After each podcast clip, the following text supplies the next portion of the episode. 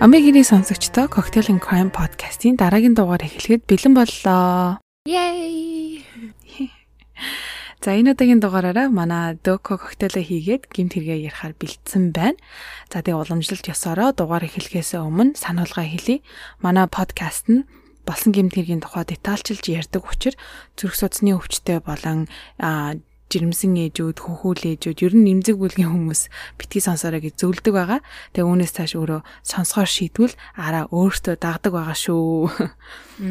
Энэ удаагийн коктейлээр ямар нэртэй коктейл сонгосон байна дөгөө? За энэ удаагийн коктейлээр бас амархан, маш амархан хоёрхан орцтой амар сүрхий нэртэй коктейл сонгож авсан. Тэгээд нэр нь болохоор Godfather гэдэг нэртэй. Тэгээд орцсон орцсон нь болохоор ерөөсөө виски тэгээд амрето ликор л орох юм. Тэгээд энэ хоёроо зүгээр нөгөө мөстө хаяганд хийгээл хутгаал болоо.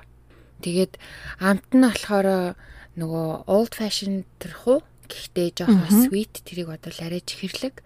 Амрето нь өөрөө жоохон чихэрлэг ликор юм байна. Тэгээд дотроо нөгөө нэг алмондны алмонд юм уу? тий. Тийж амтагддаг болохоор их гоё зөөлхий юм байна. Тэгээд манайха туршаад үзээрэй. А хэрвээ вискинд дургу хүн байх юм бол вискигээ водкагаар орлуулад тэр нь болохоор God Mother болчтiin гинэ. Оо, загалмаас эцэг загалмаас их. Аха. Тэгэхээр ликоро өөрөө сонгоод тэ хэрвээ архин дуртай бол God Mother болгож угаад вискийн дуртай бол Godfather болгож ууж болох нэ гэж. Мм маш сонирхолтой бас ингээд хүмүүс бас юу сонголт өгч ш тээ. Тий. Бараг л хоёр коктейл хийлж өглөө ш. Тийм ээ. Аа за тэгээ манайхан мэдж байгаа хэрвээ энэ коктейлийн зураг болон орцыг илүү их мэдхийг хүсвэл манай Instagram, Facebook руу пост руу ороод хараарай. За тэгээд энэ угаасаа манай дугаарыг гол хэсэг рүү оръё. Ямар гэмт хэргийн тухай ярих гэд бэлдсэн байна. За энэ удаагийн хэрэгээр Аа миний хувьд бол надад бол маш сонирхолтой санагдсан. Энэ яг бүр саяхан болсон хэрэг байгаа. Тэгээ тэрнээс гадна миний хүндхиймсэн гэж маш их бодож исэн сэдв орж ирж байгаа. Тийм болохоор а яг жоохон богинохон байж магадгүй нөгөө урт юм хүсэж идэг сонсогчд маань уртчлаад уучлал нээц гэж тэрнээс иш ер нь бол хэргийн деталь бас их эвгүй сайхан болсон хэрэг болохоор бас айгүй эвгүй санагдчихсэн. За тэгээд ямар сэдв бэ гэхээр энэ бол танилцах аппликейшн буюу одоо танилцах сайтаар би бинтэйгээ танилцдаг тий тэр тухай гарах юм. Тэгээ би бас бодож ил л да дулмаа маань team аппликейшн хэрэгэлдэг илүү хэрэгжилж исэн билүү? Team одоо аппликейшн хэрэглэхээр чи ер нь юг анхаардаг вэ? Асууя гэж бодоод. Хэрэгжилж исэн аа үгүй тэгэл нилээ удаа яриад ингээл одоо юу бэ тэгжээж нэг ганц хоёр хүнтэй уулзж ийсэн. Гэхдээ уулзахаар шийдэх юм бол нэлээд удаа ярьж байгаа л тэгээд ажил хаана ажилт юм ажилт юмтэй бүх юмыг нь мэдж байгаа. Тэгээ уулзахаараа нэг хамаг локейшн шеэрмээр тэгэл найз нөхөж ихч ах нартай бүгдээр нийлж байгаа л тэгэж явж уулздаг штэ. Аха. Ер нь бол эргэн тойрны хүмүүс бүгд л тэгдэг те. Гэхдээ яг зарим хүмүүс бас тэхгүй тохиолдол байдаг юм байна л та. Тэгээд энэ аюу том анхааруулах болох байх гэж би бодож байна. За тэгээд хэрэгтэй орцгоё. Кевин Бейкон гэдэг нэртэй өсчин 25 настай залуу Америк нэгдсэн улсын Мичиган мужийн Swartz Creek гэдэг жижигхэн хотод амьдардаг тийм ижил хүссэн залуу байсан. Түүний амьдардаг газар нь болохоор их жижигхэн болохоор ч тэр үү ер нь өөрөө ч гэсэн тийм содон тэ стил имижтэй болоод тэр үү ер нь хүмүүс анддгүүлээс юм байна л да.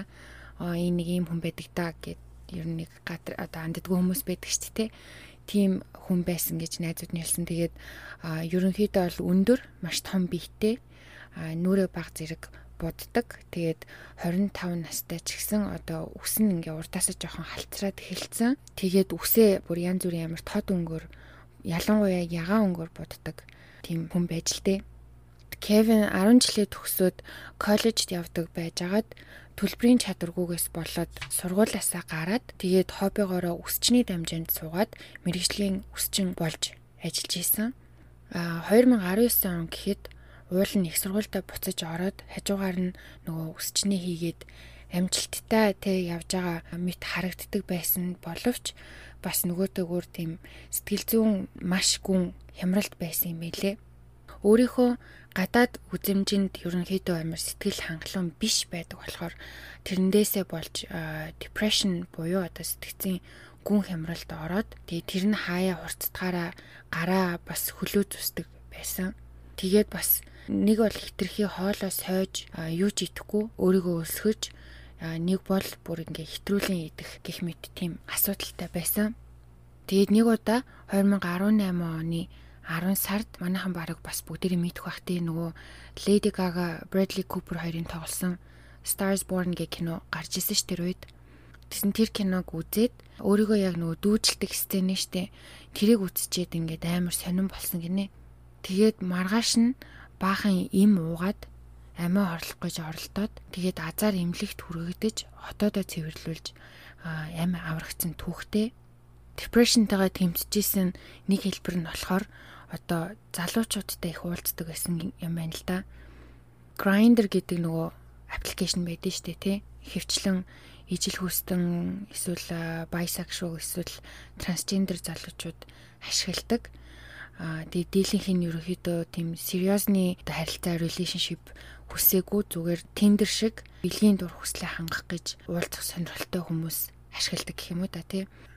Тэгээд Кевин болохоор тэр аппликейшнийг ашиглаж залуустай ихээр уулзаж хүнд таалагдсан одоо юм хүсэмжлэгдсэн тийм хайрлуулсан мэдрэмж авч юу нь бол тэрүүгээрээ одоо депрешнээ жоохон арай гэж дарах гэж ингээд тэг мартахнах гэж гэх юм уу хичээдэг байсан гэж байгаа байхгүй юу. Кевин ууг нь Чикаго хот руу нүүж ирэх хүсэл мөрөөдөлтэй байсан юм бэлээ. Тэгээд харамсалтай нь тэр хүсэл нь одоо хизээч биелээ олж чадаагүй.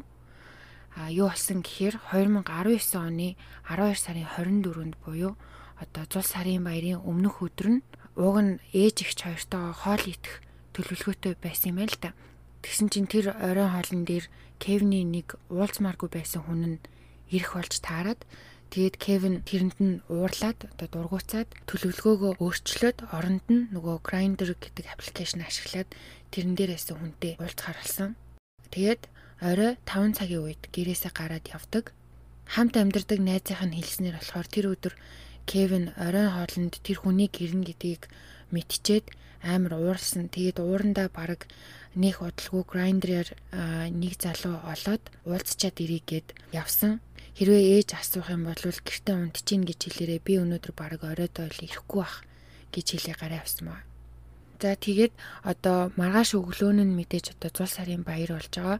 Гэр бүлэрээ өглөөний цай уух хэрэгтэй байсан боловч Кевин ирээгүй.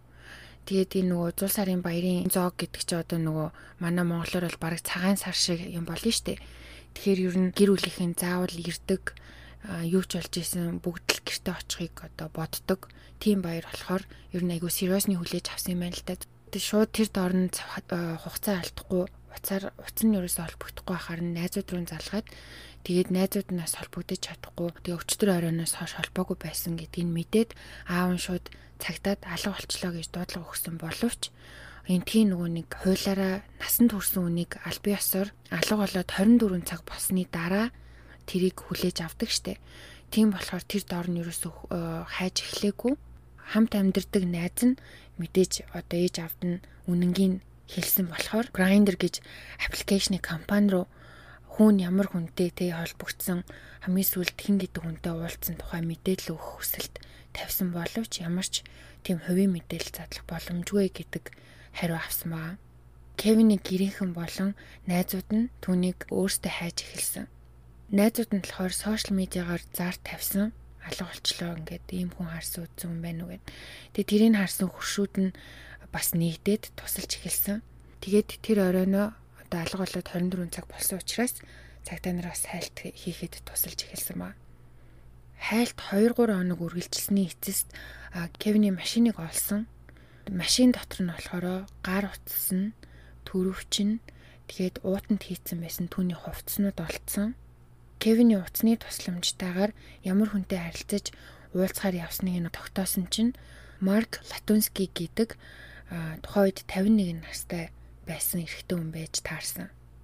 12 сарын 27-нд цагдаа нар Маркийн герт нь очисон чинь Марк өөрөө хаалгаа тайлсан. Хаалгаа тайлахтаа болохоор тийм Шотланд эрэгтэйчүүдийн өмсдөг нэг тийм kilt буюу нэг юпг шиг юм байдаг шүү дээ. Тийм савхан юпг өмссөн хаалгаа тайлсан гинэ. Тэгээд ямар ч тийм сандарсан шинжгүй байсан. Тэгээд цагдаа нар танах руу ороод шалгачих уу гэд асуусан чинь шууд зөвшөөрсөн.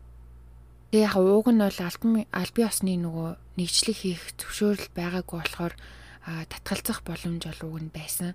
Тэгсээ диж тэгээгүй ерөөсөө амар тийм юу ч болоогүй юм шиг байсан. Өө тэгтэг ороод үзүүз гээд ингээд юм юугүй ямар ч сандралгүй хүн тэгээ тийм байдалтай гэрте оруулахаар угаасаа нөх юм одоо нэг муу мухай бодохгүй штэ. Тэгээл за за ингээ харсан болоо гарыг гэж утсан юм уу? Тэгсгээд явж исэн чи амар том цочролд орсон. Доод давхрын өрөө буюу одоо бейсментээс нь маш аимшигтай зүйл болцсон нь Кевиний цогцос байсан. Цогцыг нь болохоор хоёр хөлнөөс нь боогод доош нь харуулад дүүжилсэн байсан. Тэгээ хоолойг нь маш гүн хэрчээд нуруунд нь хидэд удаа утгалсан байснаас гадна бэлэг хэрэгтэн болон төмсгийг нь огтлоод авсан байсан. Марк тэр дорой хэрэгээ хүлээж баривчлагдсан.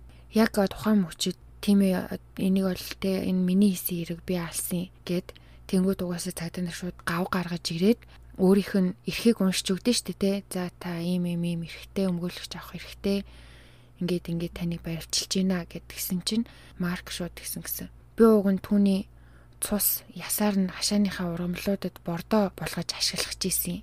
Бас булчингийнх нь махыг хатааж борцлох гэсэн гэж хэлсэн ба. Аль үшээ тэр нөгөө мах борцолдог машин захиалсан байсан нь шуудангийнхан илрүүлдэг. Тэгээ хамгийн балиар нь хохирогчийн төмсгийг нь шараад ийдсэн тухайга ярьсан ба. За тэгээд Марк тэр дорой 200 ангиар буюу хүн амны хэрэг болон цогцос ирэмдгэлсэн хэрэгээр баривчлагдсан. За Марк Лютенский гэж хинбэ гэдгсэн чинь урд нь урдсанчлаа одоо 51 настай гэж хэлсэн те. Тэгээд дөрөв хүүхдийн эцэг хиймч мэрэгчлэр магистрийн зэрэгтэй 2001 онд экс их нартайгээ гэрэлсэн. Тухайн үед болохоор сайн цалинтай ажил хийдэг ер нь бол нормал хүн байсан гэж аа. Тэгээд байжгаад сэтгцийн эрүүл мэнд нь баг багаар муудаж эхлээд 2010 онд анх удаа албан ёсоор маш хурцдмал ахин тавтагддаг depression буюу одоо нөгөө сэтгцийн гүн хямралтай тэр нь болохоор psychotic шинж чанартай бас anxiety буюу сэтгэл түгшилтэй хоёлаас урд нь ярьж исэн Изабелла Гузман охин дээр илэрж исэн шиг paranoid schizophreniaтэй тэгээд дэрэс нь borderline personalityтэй гэж онцлогдсон байна. Borderline personality-гийн тухай бас хоёлаа ярьж исэн те урд нь нөгөө хүнд хаягдах, тогтохгүй байхаас маш их айдаг, ганцаараа байж чаддгүй. Нэг бол хитрхи аз жаргалтай, нэг бол хитрхи одоо огцом ууралдаг ч юм уу тийм mood swing гэдэг тий. Тийм түгээмэл шинж тэмдгүүдтэй гэж ярьж исэн.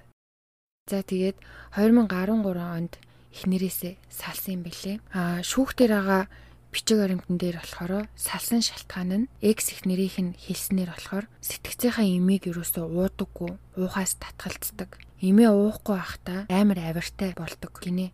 Тэр үедээ хүн тамалж байгаа тийм бичлэг айгүй хүүцдэг гинэ. Тэгээ хүүхдүүдийнхээ тижээвэр амьдтыг бас алан мална гэж ингэж айгүйх сүрдүүлж айлгадаг. Тийм муухай авиртай болчдөг гэж тэхнэр нь гомдол мэдүүлсэн байсан. Анх болохоор Марк Кевин надаас өөрийг нь алаад өгөөч гэж гуйсан болохоор би түнд тус олсон юм а гэж хэлснийхэн дагуу Маркийн өмгөөлөгч нь нөгөө ялыг нь хүн амны хэрэг биш харин нөгөө хүнийг амиа хорлоход нь тусалсан болгож хөнгөрүүлэх гэж ууг нь шүүгчэд хүсэлт явуулсан юм байлээ л те.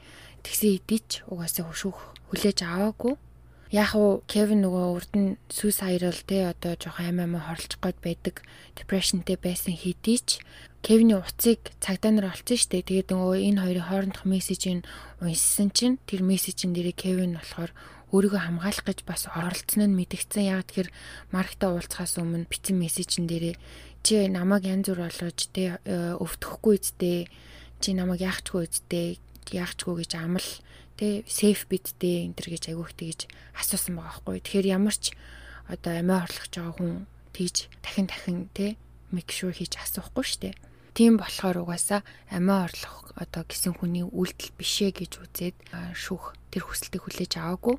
2020 оны 2 сард шүүгч маркийг шүүх хуралд оролцож чадхуйц тийм эрүүл ухаантай биш байна гэж үзээд эмчилгээнд явуулаад дахиад 10 сард ахиж үтсэн. Тэгсэн чинь одоо бол болохоор байна гэд шүүх хурал эхлэх хугацааг 2021 оны 7 сар гэж товлсон баг. Тэгэхээр түрүү сард шүүх хурал нь эхэлсэн. Тэгээ одоогор болохоор хэрэг нь яг шүүгдэж байгаа бөгөөд насаараа хойрох ял өхөр хилцэж байгаа гэсэн. Хамгийн харамсалтай нь болохоор энэ хэрэгээс энэ амар юм болохоос урдчлан сэргийлж болох байсан. Кевинд одоо ийм амар юм тохиолдохгүй байх боломж байсан юм бэлээ. Тэг яагаад тэгэхээр Кевиний хэрэг гарахаас 2 сарын өмнө буюу 19 оны 10 сарын 10-нд 911-т нэг дуудлага ирсэн.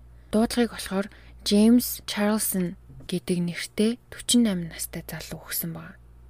Тэгээд тэр дуудлагын бичлэг бол яг интернетэд байсан. Бичлэгийн чанар айгу муу байсан. Айгу нэг сайн сонсогдохгүй байсан л та. Гэхдээ ерөөхдөө ингэж хэлжсэн. Аа би нэг залуутай танилцсан. Би одоо бисексуал. Тэгээд тэр хүүхэн залуу байсан. Намааг өдөөд байсан. Мэдхгүй бид хоёр машин цууж юм ярьж агаад дэлгүүр орж ундаа авч уусан. Тэгээл би бейсментэд буюу одоо хаусны доод давхарт сэрсэн. Сэрхэд миний хөл гарыг гинжлээд бооцсон байсан. Би аз олж хутгаар арьсан идэл хэсгийг нь зүсээд цугтааж чадлаа. Тэрний машины түлхүүрийг ч гэсэн би хулгайлсан. Гэхдээ би одоо зам дагаад алхаж гин. Одоо болтол миний гарт тэр утга байна. Надад өмнө нь хизээч ийм юм тохиолдож байсангүй. Намайг мансууруулсан юм шиг байна. Би сайн мэдэхгүй байна. Миний мэдж байгаа ганц юм бол би нэг бейсментэд гинжлүүлсэн сэрлээ. Миний байгаа газрыг олж чадчихэв үү? Надад тусламж явуулаач гэд ярьж байгаа хгүй оператортой. Аа. 10 минутын дараа цагдаа нар түүнийг зам дагуу алхаж явахыг нь олсон. Тэгээд цагдаа нар мэдээж асууж штэ яасан чи шархацсан уу яасан ийсэн хэрэг үүсэх үү те тэр хүнд гомдол гарах уу гэсэн чинь нөгөөгчөө үгүй эгүй яах ингээд зүгээр өнгөрөөцсөн билий. Ямар сони. Харин тий. Дахиад нэг сони юм заяо. Энэ үйл явдлаас сар гаруйгийн дараа буюу 11 сарын 25-нд 29 настай залуу яг тэр байшингаас бас гарч зүгтааж ахтай 911 дуудлага өгсөн маа. Тэгээ би нэг гаж залуугаас зүгтааж ийна намайг бейсменттэй хүлсэн. Миний араас хөөгöd байна гэд дуудлага өгсөн маа. Тэгээд оператор хаяг асуухаар нь ойрхон байсан айлын хаалга нүдэд тэгээ аймаа авраараа намайг хүн хөөгöd байна. Би яг одоо ингээд цагдаа нартай уцаар ярьж гин. Тэгээ надад хаяг хэрэгтэй байна. Хаягаа хэлээд өгөөч гэж гуйсан чинь тэр айл нь гэртээ оруулаад цагдаа нар иртэл гэртээ орогнуулсан юм билээ. Цагдаа нар ирээд бас яасан хийсэн гэж ясан чинь тэр залуу бас л хэрэг үүсгээгүй гомдлохгүй гэд өнгөрсөн байгаа. Хэрвээ энэ хоёр гомдол гаргаад хэрэг үүсгэсэн бол ганцхан сарын дараа энэ Кевинг ийм амир хэрцгийгээр алаач үгүй ч үү тийм юм болооч үгүй ч үү байсан байгаа аахгүй юу. Тэгээд сүүлд 2020 оны 6 сард нөгөө ихний залуу штэ Джеймс. Тэр маркийг шүүгд өгсөн. Тэр үед болохоор яг үнэндээ тэр хоёр зүгээр ч нэг гадуур явж байгаад ингээд рандомор танилцаад яачаагүй юм бэлээ. Онлайнаар танилцаад Нью-Йорк мужаас Мичиган руу Джеймс өөрөө маркта унтахын тулд зорж ирсэн байгаа. Автобусанд цуугаад. Тэгээ Джеймсийн өмгөөлөгч нь болохоор Мичиганы цагдаа нарыг их буруутгаж исэн. Джеймсийг ямар ч мөнгөгүй юу ч байхад нь тоогчгүй гомдлгүй гэхээр нь шууд бензин колонк дээр буулгаад орхио авсан маа. Пөө. Буцах мөнгө байхгүй. Одоо хичнээн гомдлгүй гэсэн ч гэсэндээ яагаад Маркас мэдүүлэг аваагүй юм бэ?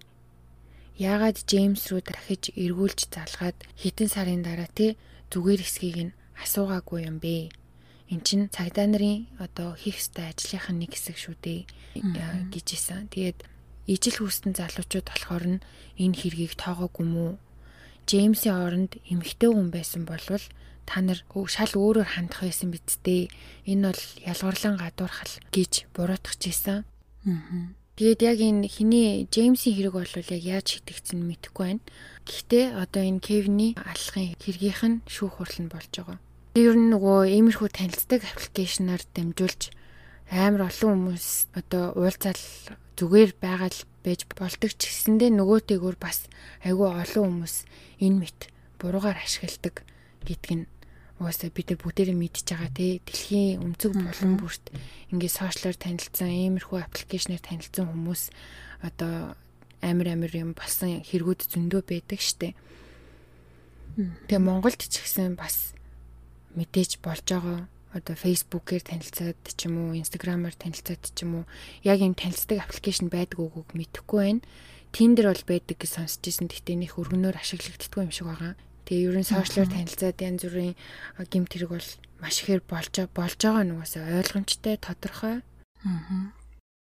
Тэгэхээр э, сошиалор танилцсан хүнтэйгээ уулзахдаа тэгээд ер нь бол маш болгоомжтой байх ёстой гэдгийг бас хүн болгон мэддэг штеп угаасаа боломж хизээч илүүдэхгүй гэдгийг бүгд мэдж байгаа ах тий.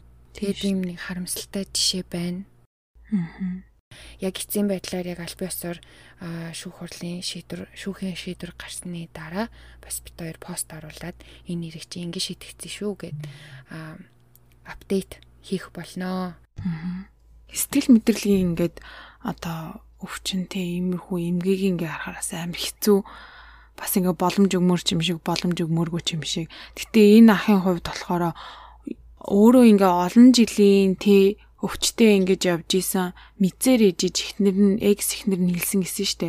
Имээ ерөөсөө уудаггүй байсан, уухыг хүсдэггүй байсан. Гэт. Тэгэхээр тэр хүн өөрөө бас ингээд бас юу болж байгааг ч гэсэндээ ингээ мэддэг байсан, гадралдаг байсан. Одоо юу хийндээ одоо энэ бүх зүйл энэ аимшигын хэрэг бүр болохгүй байх боломж байтал энэ хэрэгтэн өөрөө тэр боломжийг нь одоо эмээ уулгүйгээр одоо бүрдүүлж өгсөн болохоро за ер нь бол шоронд орсон орох ёстой гэж би бол бодож байна. Гэхдээ үнэхээр харамсалтай юм аа. Бас надаа энэ хэрэг дээр нэг бодогдсон юм нь юу вэ гэхээр хохирогч одоо би нэг өөртөө л харьцуулж бодож юм л доо одоо тэр хохирогч хүмүүс яагаад ингээ ойр татныхоо хүмүүс таашаа явж юу хийж байгаагаа хэлж болоогүй юм бэ? Тим амир одоо үнэхээр тэ хаагдмал ганцаараа ганцаардмал байсан юм бах та. Тэгээд тэрэн дээр одоо ботход ойр татныхоо хүмүүстэй бас ингээд илүү анхаарал тавих ёстой юм шиг тий. Аа. Илүү ингээл хичнээн ингээд сэтгэл санаагаа нээхгүй байгаа ч гэсэндээ одоо хүчлээд ч хамаагүй бас ингээд нэг угаасаа нэг заримдаа нэг хүчлүүлдэг нэг тийм найзууд идэв штэ. Заавал нэг очиж тоншчиж ингэж амнаас нүг гар сэтгэлээ нээдэг тийм найзууд идэв штэ. Тэрэн шиг ингээд бас ойр татныхаа тийм хүмүүс байвал ер нь манайхан бас анхаарал тавьж байгаарэ гэж хэлмээрээ. Mm -hmm Тэгэл ялангуяа одоо энэ Кевингийн хувьд гэр бүлийн асуудалтай байсан. Өөрөө ч гэсэндээ ер нь ингээд сэтгэл санааны жоохон доголдолтой, жоохон хэцүү байсан тий. Тэгээд найзууд нь хичнээн тэнцээ байсан ч гэсэндээ өөрөө яах вэ сэтгэл зүрхээ нээгээгүй ганцаараа ингээд явсаар агаад бас буруу хүнтэйгээ нийлээд ийм харамсалтайгаар өөд толсон юм шиг надад санагдлаа. Одоо угаасаа тэгээ бүх хүн сошиал медиа ашиглаж байгаа бүх хүн одоо энэ танилцдаг аппликейшн ашиглаж байгаа 90 үе болчиход байгаа шүү дээ. Тэгээ яг хөө би ч ихсэн өмнө нь ашигладаг лайсэн л та. Тэгээд тухайн үед дандаа ер нь бол миний ганц одоо юу гэдэг миний яг баримталдаг хийд юм байсан. Тэр нь болохоор эхлээд би бол дандаа олон нийтийн газар, олон хүмүүстэй газар уулздаг байсан. Тэгээд би хоёрдугаарт ер нь бол би хизээч гэрээ зааж өгдөггүй. Өөрөө очиж уулзчаад өөрөө гэртээ ирдэг байсан ингээ хургуулж өгдөггүй ахуулдаггүй тий. Тэгээд сошиал медиаг энэ бас үзье гэж айгүйх нэгж агаад ийм танилцах аппликейшн дээр зарим хүмүүс сошиал медиагаа холбогдсон байдаг, зарим нь холбоогүй байдаг шүү дээ. Тэгээ холбоогүй юм байх юм бол би л нэгж агаад үзээд яг энэ өөр мөн байна уу? Тэгээ мөн байх юм бол одоо хідэн найзтай, жинхэнэ найзад мөн байна уу биш үү? Тэ комент лайк хамаагүй юм харж агаад одоо хүмүүсийн хоорондын интеракшныг харж агаад одоо фейк хүн байна уу? Тэгээ фейк аккаунт байна уу жинхэнэ аккаунт байна уу гэдгийг бас шалгадаг байсан. Тэгээ мэдээж найзуудтай хэлдэг би нэг юм хүнтэй гарах чаа шүү. Уцны дугаарыг нүгэл те яг ийшээ очих чаа шүү гэл очих байгаа. За одоо гарч ийн гэл ирчлээ гэл. За тэр хүн ирчлээ ингээд мессежчээ бийждэг. Тэгээ за одоо явах гэж чинь гайгүй юм шиг байна уу? За за ингээ гайгүй юм шиг байна гэд ингээд найзуудаа тайшруулаач ч юм уу те. Тэгэхээр ер нь аль хизээж болгоомж илүүтэхгүй хэрвээ энэ залуу ядаж одоо тэр хамт амьдардаг найздаа тэ би ийм үнтэй танилцлаа ингээ явлаа. Тэгээ өглөө дидэн цагийн үе гэхэд одоо юу гэдэг би хариу бичихгүй байвал одоо ингээрэ тэгэрэ дараа дараагийнхаа үл одоо юг авахад амар штэ. Тийм штэ. Тэгээ бас нэг юм уншижсэн чинь нэг эмхтэй хэрвээ if I go missing гэдэг тийм folder одоо компьютер дээр нь байдаг гинэ. Тэр бас надад айгүй сонирхолтой санагцсан. Яг муу ярилж байгаа юм биш л дээ. Зүгээр айгүй сонирхолтой санагцсан. Одоо хэрвээ би алга болох юм бол гэд тэр фолдер дотор нь өөрийнх нь утасны код, Facebook руу нэвтрэх хаяг, нууц код, Instagram руу нэвтрэх хаяг, нууц код гэд ингээд бүх юмныхаа нууц кодуудыг бичээд үлдээсэн тий. Тэгэнгүүт чинь хүмүүс аа өөрсдийнхөө компьютерын гар утсыг ашиглаад шууд тэр рүү н ороод хамгийн сүүлд ямар хүнтэй яг юу ярьсан бэ гэдгийг хараад хараад ингээд гэлс гэлс ингээд дараа дараагийн алхамуд авахдах гэдэг нь штэ. Тэгээ тэр амир смарт айгу айгу good idea санагцсан. Яг муу муу хайлтаа муу ёролтой тэгтэл одоо одоо ядчил гадаадд ганц нэгээрээ амьдарч байгаа тий найз нөхөд нь хол идэх ч юм уу гэр бүлийнх нь байдаггүй ч юм уу дөнгөж гадаадд ирж байгаа одоо оюутнууд ч юм уу ер нь жоохон тийм ганцаараа тий жоохон тийм харж ханд хөнгөө хүмүүс нэг тиймэрхүү юм ууттай байвал уг нь зүгээр юм уу гэж бодгцсон. Бас сонирхолтой санаа юм те наача. Тэгээ хамгийн гол нь нөгөө одоогор Монголд байтугай Америкт хүртэл одоо яг ийм танилцах аппликейшны хүрээнд хууль нь айгүй сайн наривчлагдсан юм байдгүй юм бэлээ.